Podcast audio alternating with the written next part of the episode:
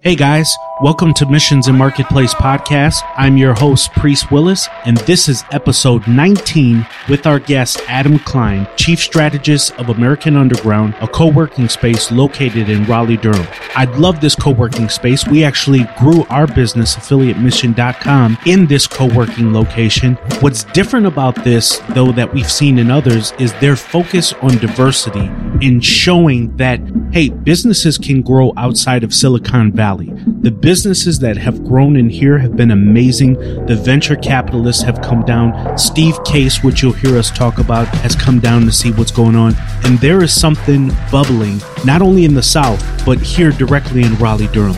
So I want you to sit back, hear what Adam talks about, hear how he's grown into the role as chief strategist of American Underground, but how American Underground is leading the way and showing other co working spots and showing just tech hubs in general how to inspire others to grow their business and get everyone around them involved. Without further ado, here is our guest, Adam Klein. Hey guys, before we get into today's guest, if you want to rock something fly, go check out Kingdom Assignment Jurisdiction Unlimited. This isn't your typical brand of Bible verse tees and praying hand keychains and all this other deep stuff. This is awesome evangelism gear. Go to www.squareup.com forward slash market forward slash KAJ hyphen unlimited and pick your gear up today. There's a winter sale going on. Now includes most t-shirts and women tanks use the promo code number one winter sale at the checkout. Also, you can get men's muffler scarves. They're on sale for 50% off. Use the promo code MM sale 2016 at checkout. Now get ready to be fly this winter. Welcome to Missions and Marketplace Podcast. Join us as we talk to business and thought leaders who discuss their passion in and outside of business and how it drives them to give and be citizens of goodwill. Let's get started. Hey, Adam, welcome to the show. Thank you, Priest. Looking forward to being out with you. Yeah, excited that you're here. So, why don't you tell the audience a little bit about yourself? Sure. So, my name is Adam Klein. I am Chief Strategist of the American Underground in Durham, North Carolina. We are a campus for entrepreneurs. So, we help early, usually high stage, high technology companies get their foothold and accelerate their growth in our space. We are home to 240 companies, uh, which is actually the largest in the Southeast.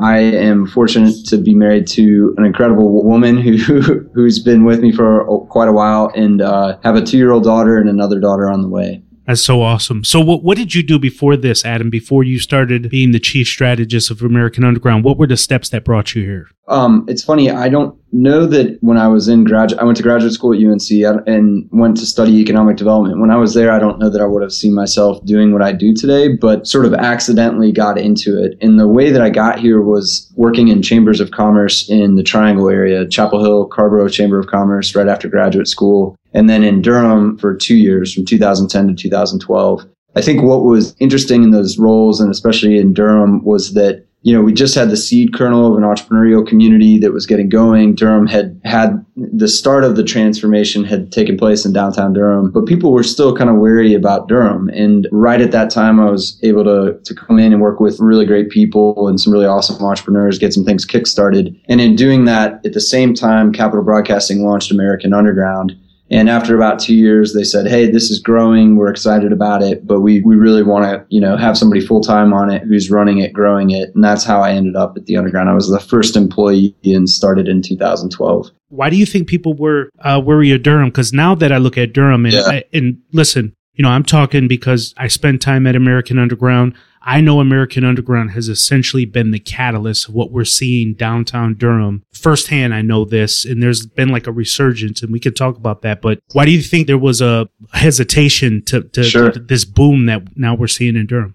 I think perception lags reality, right? Like people perceive Durham based on a 1980s, 1990 reputation, which was a tobacco and textile town that had fallen on hard times, kind of sputtered at some redevelopment and revitalization efforts. you know, and statistically wasn't a super safe place to be. There wasn't any reason really to be downtown. It was a bunch of, no offense to any attorneys or accountants who are listening, but it was a lot of like professional service uh, offices downtown. There wasn't like, hey, let's go get a, you know, let's go get a whiskey after work or let's like sit and listen to some good jazz. And like now you can do that downtown that shift happened pretty quickly. And so I think what's happened, and, and, I still talk to people who are like, wow, I haven't been to Durham in two or three years. You know, they live in Raleigh or wherever, and they're really amazed at the transformation. And so I just think it's one of those things where perception's lagging reality. As soon as we get people into Durham, they love it. And that's been our kind of hypothesis. If we can just get more people to come in and see the city, even residents who have lived in Durham, but they haven't been downtown in a little while, just come down and see it.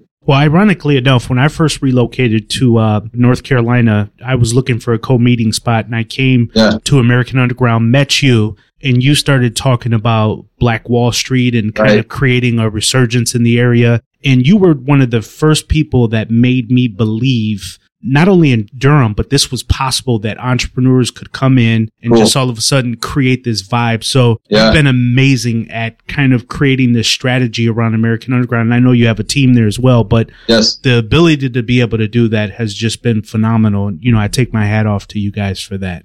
Thank you. I appreciate that. The the thing I would say is that I'm not an entrepreneur, but I get to be around a lot of entrepreneurs and it's amazing. It's inspiring to be around entrepreneurs. It's inspiring to be around people who are taking a dare, they're hoping, they're believing in something and they're they're ready to take the risk that you know causes a lot of us to want to hang out together. We want to you know want to talk about big dreams, big ideas, um, making something happen, and it's it's fun to be a part of that. So let's dive in a little bit into American yeah. Underground and let's just talk about, you know, why co-meeting space. So most yeah. of the people that we have listening to this podcast are entrepreneurs, people that want to start off becoming entrepreneurs. Why should they consider a co-meeting space versus just going to their coffee shop or something along those lines? I actually describe our biggest competitor as a coffee shop. A lot of people are like, oh, it's other co-working spaces. And I, I, would contend that it isn't. You know, I think the thing that we, the, the place that we start with the underground is that entrepreneurs want to be around other entrepreneurs that period is one of the most important things. And so that's guided kind of how we've thought about this and that the best resource we can provide an entrepreneur is actually not great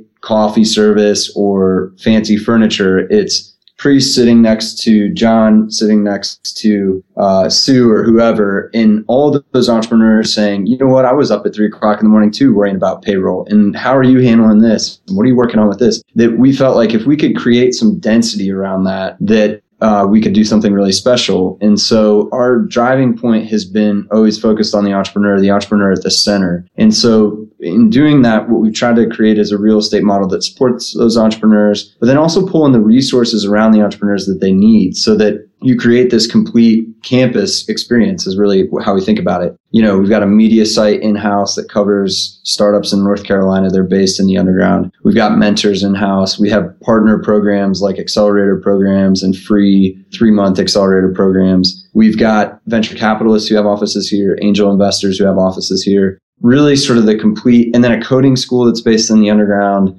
In coding school, we think about gen, like very broadly. We've got, you know, 18 year olds who finish high school doing work during the day and then they come in at night and are learning to code. And then we've got full time coding school. So we're really trying to think broadly about what it's going to take to get as many people into the innovation economy as possible surrounded by great entrepreneurs kind of at the center of that um, to grow and scale this. And that's how we think about it. It's a little bit different from how traditional kind of co-working spaces think about it. We offer co-working, we do private offices and all of that, but the DNA behind it, I think, is different you know, there's a connected community. So you guys right. are always in conversation with the entrepreneurs and the entrepreneurs themselves are sending out emails. Hey, who knows a good bookkeeper? Yeah. And there's a lot of sharing in that case. And, right. you know, people pay serious dollars to find mentors and yes. other networking and mastermind groups when right. that's kind of all really baked into it. So I would definitely say specifically with American Underground, there's a lot more to it than just quote unquote co-meeting space. So let me take a step a little bit further here. Cause again, you know, I mentioned when I first came out, met with you and talked with you, you wanted a resurgence in the community throughout everybody, but you specifically mentioned that there was Black Wall Street right around the corner there, right. which there was.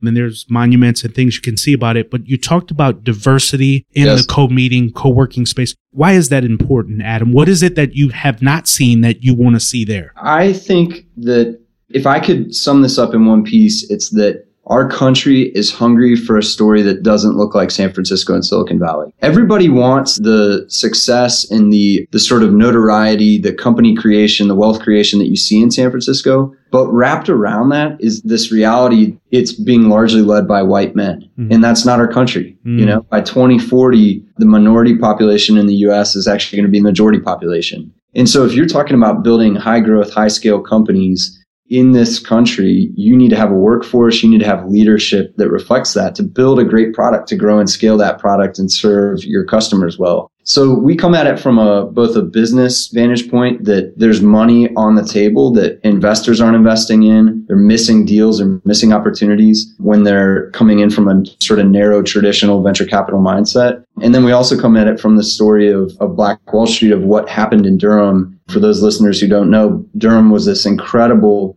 story of a southern city that had a very prosperous black upper middle class, middle class, upper middle class in the 19, the teens and the 20s that you didn't see in other southern cities. And so, you know, you've got a historically black college and university here in North Carolina Central that has driven a lot of that. And Durham's got this legacy there that we're fortunate to sort of stand on the shoulders of in some sense and try to continue to fuel and grow and scale more black and Latino startups in our community, more female led startups in our community I, I, give this example. Jim Goetz was in town uh, last fall in September. He's an investor at Sequoia. And he gave this example. He said, you know, the um, founders of Pinterest came and presented to us. So everybody knows Pinterest. You, you know, you pin your pin stuff, you get pictures of things that you think are really neat.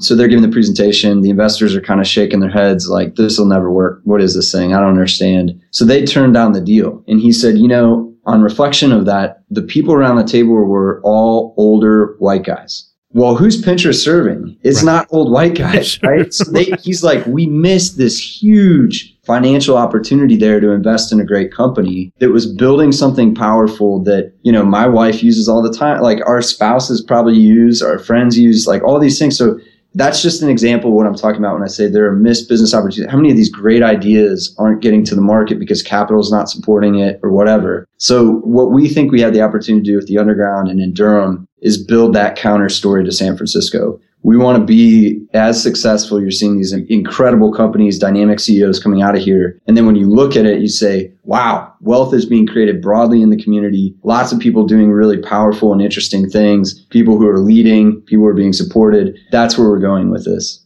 I definitely see the narrative changing in Silicon Valley with, with yes. some of these more newer companies. I know the older ones are trying to figure it out, older ones being Facebook and right. maybe Twitter, if that if you can call that older. But um, there, you know, we've seen the numbers. They're still challenged from a minority standpoint and even women's standpoint in leadership right. and stuff along those lines. But the newer ones, Uber and other people that are technology based, are really starting to get it and they're learning from the faults of others. But I think the reason why this is important for me and American Underground is because you put such an emphasis behind it. And look, it's not just talk and rhetoric. There are companies in American Underground that are coming out, being backed by other VCs, venture capitalists, actually growing within the business. Right. We're talking about Mati Energy Drink, right. Red right. Boss. There's all kind of companies doing great things in there.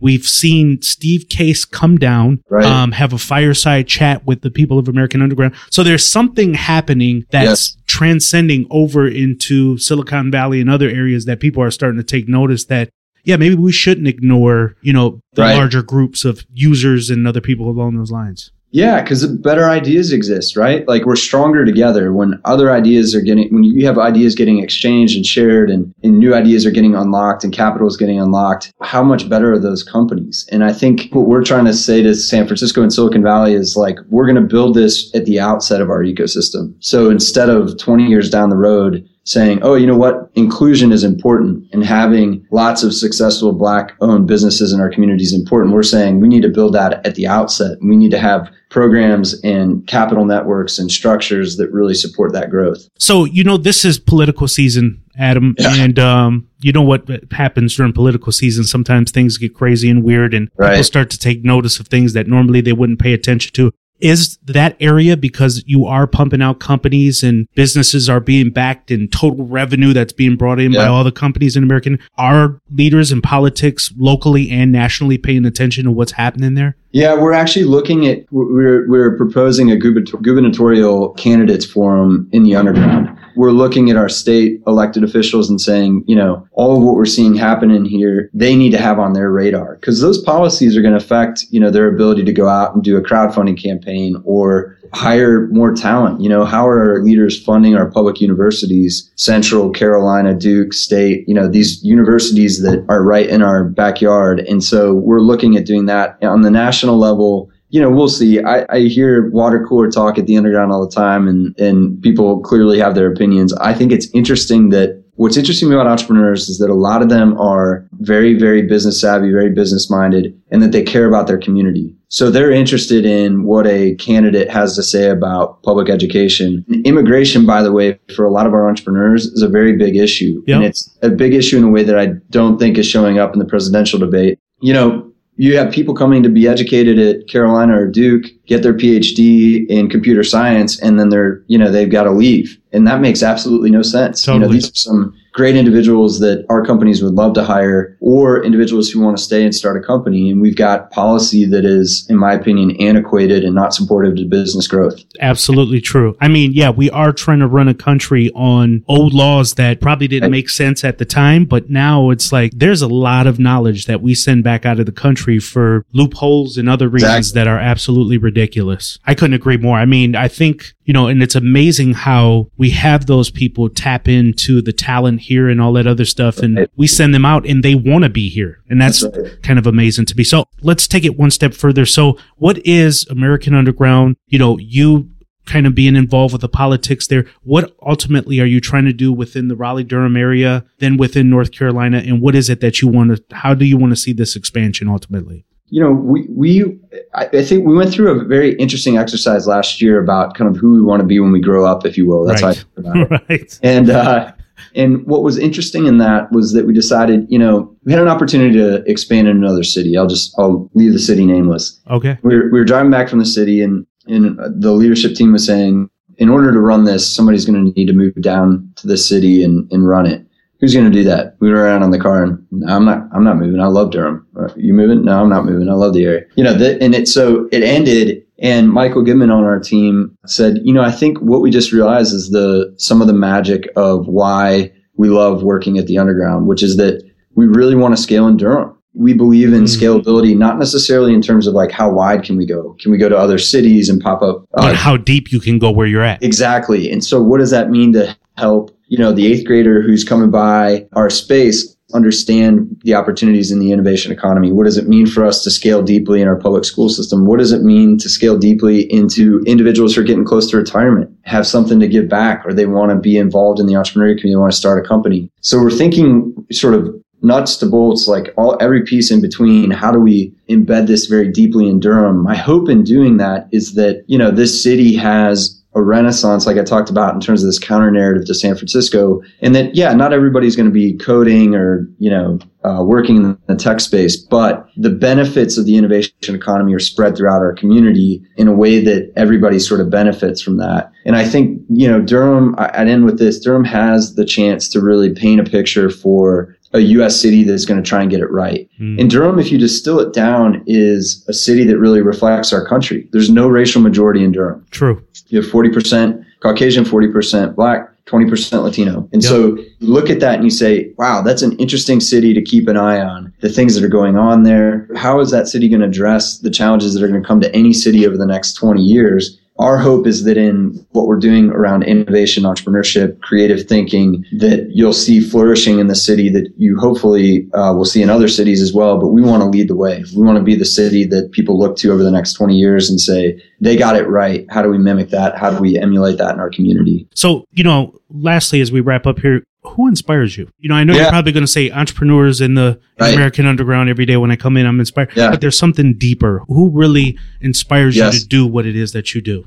I'm a Christian. My faith is really important to me in terms of wanting to think deeply about what it means to do right by your city, the place that you live, and how you can serve and support any and everybody in your community in a way that everybody, if you will, is blessed by that. And, yeah, and I yeah. think about that when I wake up in the morning that, you know, we have the opportunity at the underground to serve the entrepreneurs who are here, to, for them to go on and do great things. And that's a gift to be able to do that, to be a part of that. Um, and I'm inspired by the entrepreneurs, like you said. And I think it, it's exciting. You know, you look at across the American Underground team, a lot of us get up in the morning thinking about those things. Like we, we care very deeply about this city and about well, everybody in the city uh, doing well. And so I would say that I think, you know, for us, it's not a paycheck. It's not getting up in the morning to run a co-working space.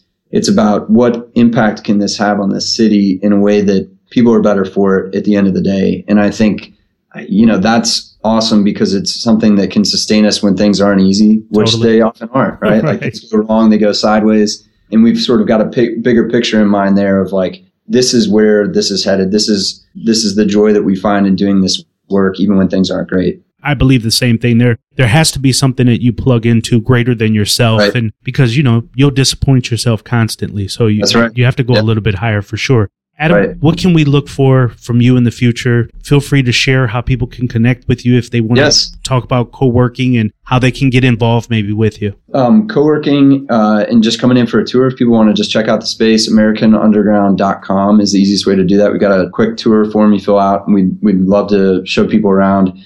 I think over the next couple of years, we're thinking hard about how to, when I talked about scaling deeply in Durham, how to do that well, not just fire off a bunch of programs, but really what's needed and where are we needed. Mm-hmm. You know, there are lots of incredible people doing great work in Durham, and we want to support that. We want to um, help that and figure out sort of what our, if we need to be at the table, what our seat at the table looks like. You know, if we're fortunate enough to find more real estate, we're going to do another space in Durham. We've not hit sort of the the top of the demand curve yet on space in Durham, um, and I think there's opportunity there. You guys are already busting through the walls. We are. Yeah. yeah, and we we opened a new space just two weeks ago that's pretty much full. Um, I think what we're going to do though in the new spaces is sort of layer in texture to what what we're doing here. You know, thinking about like a podcast studio, we're partnering with a guy named Pierce Freelon to do a beat making lab in one of our spaces to get kids in our community sort of exposed to technology in really fun and interesting ways that aren't you know the traditional classroom. You know, come in and sit down and stare at a TV screen, but instead come in and like let's make music. Let's talk about how beat making intersects with coding, intersects or with podcasting. Software. Right, right. You got it. Like all those pieces out on the table and getting youth inspired to do that, that will live on much longer than the underground. And so um, those are the things you can expect. If anybody wants to find me, I'm on Twitter. Adam M is in Michael Klein K L E I N. I love what's going on there. You know, you guys are way ahead of the curve. I wish when I was going through college there was stuff like this in colleges. It's unfortunate that what's going on in college is somewhat antiquated in co-working spaces and all that. Is figuring it out and jumping on it. So great stuff, Adam. I appreciate you being on the show. Thanks a lot. Thanks, Priest. I'm grateful to be on with you. Thanks for having me. Thank you for listening to Missions and Marketplace. If you have a brand or business that you want to take online, or you're already online and looking for more exposure, visit us at affiliatemission.com, the premier affiliate marketing and management agency. Also, feel free to get social with us and check our Facebook, LinkedIn, and Twitter pages and share with us your story on how you're leaving a mark in the world.